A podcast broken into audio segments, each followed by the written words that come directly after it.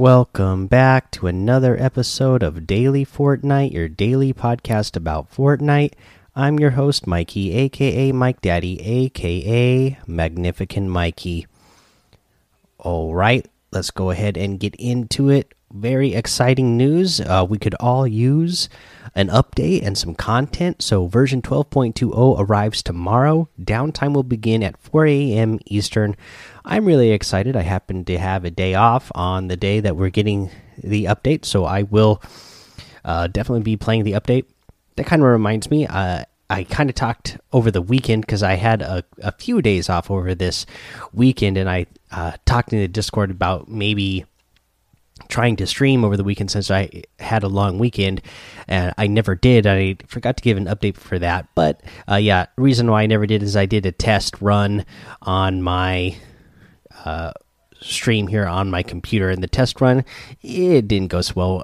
I remember I have an old computer, so uh, I, I can stream, but it would be pretty choppy. So I, I got to get some more things figured out with my computer here because if I'm going to stream again, I definitely want it to uh, at least be, you know, to some quality. I don't want it to be super choppy for you guys when you watch, but hopefully I'll get that figured out soon. And uh, uh, you know, especially during uh, the time where we're all cooped up, like I said, I want to uh, try to give you guys content where we're, you know, uh, more places to hang out with people and interact with people uh, socially, you know, on yeah, through the internet, since you're not really supposed to be socializing in person right now so hopefully we can get that up and running soon. Uh, again i got a couple of days off here so hopefully over the next couple of days i can figure something out here on for the settings on my computer. My old i don't know this is, must be like a six or seven year old computer now that i can uh, get fortnite running okay on the stream. We'll see. Uh, but other than that so uh, other news we have uh, let's see here the update, and then oh yes, the players who placed in the top ten percent of the Australian Open Summer Smash who didn't receive the complex's back bling in their reward bundle. Uh, that has been uh, that has been granted now. So those who placed in the top 10% of Australian Open Summer Smash have been granted the complex's back bling. So if you didn't get it before, you got you should have it now. Uh, so open up your Fortnite game, and that should be you know something that you receive uh, as a gift or uh, should pop up as, as something that you can claim next time you log in. If you you know again place in the top 10 uh, during the australian open summer smash. Let's see here other news. Uh you know I didn't even see this original post. I don't ever remember seeing this, and I look at the Fortnite Twitter page every day.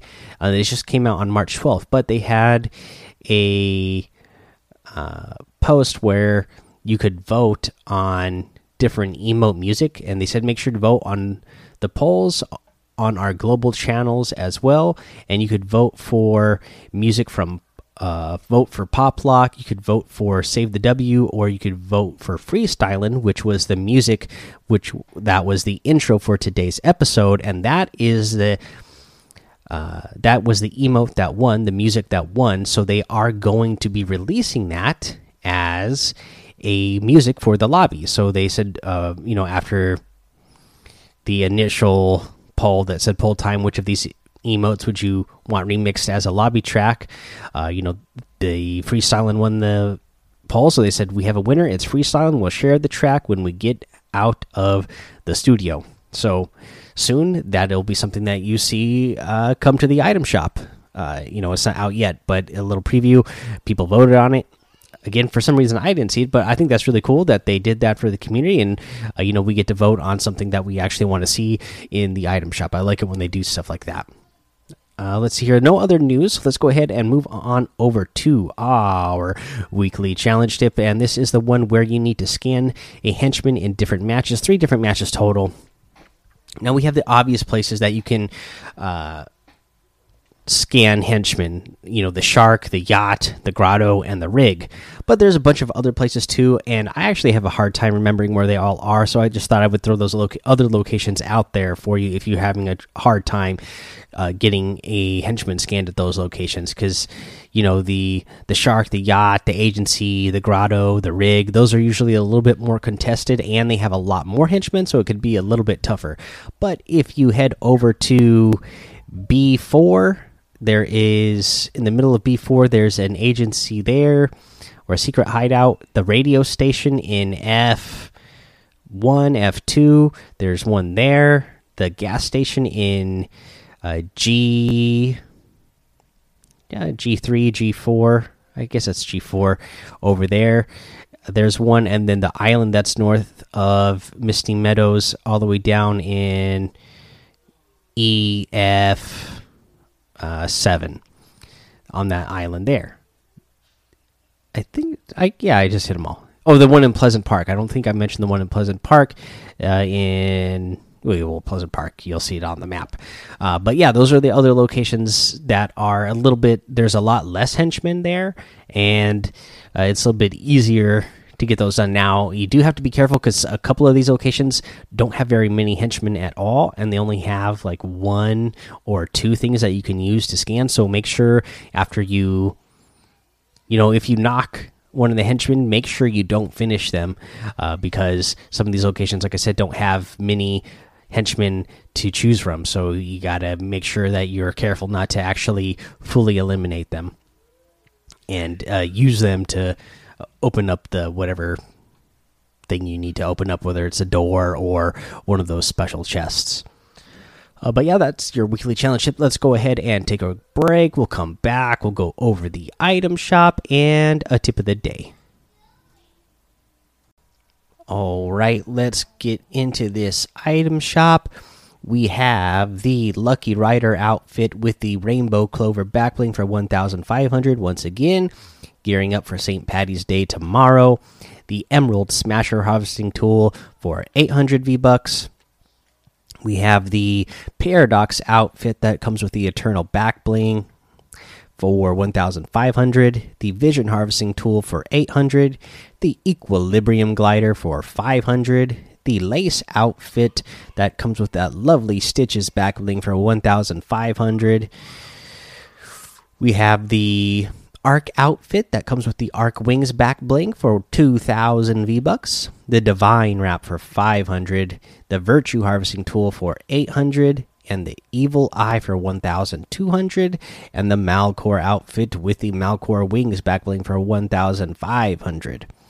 You have the Lucky Coins back bling for 200 V bucks. You have the Caution outfit for 800, the Extraterrestrial emote for 500, the I don't know IDK emote for 200 the Krabby emote for 500, the Big Flake wrap for 500. We have, uh, you know, the rest of our St. Patty Day stuff here Sergeant Green Clover for 800, Pot of Gold for 1,200, uh, Lucky Wrap for 300, the Clover Team Leader for 800, Lucky Clover Backbling for 200, the Chance outfit with the Lush Edge backbling for 1,200 and the Silver Strikers harvesting tool for 500. And you can get all of these items using code Mike Daddy M M M I K E D A D D Y in the item shop, and some of the proceeds are going to go to help support the show. Now let's go ahead and get into our tip of the day. So for the tip of the day, you're going to be using proximity grenades or the proximity mines, whatever they're called. And uh, this is a great strategy to, again, you know, Fortnite over the last two years has really become a building and editing uh, game and uh, you know has become a lot about box fighting and this is just going to help you in box fighting and breaking into someone's box. What you're going to do is you're going to throw the proximity mine on one wall of your opponent and then the a wall uh, the wall that's adjacent to it you're going to break that down so that it is you know ready to break in one hit.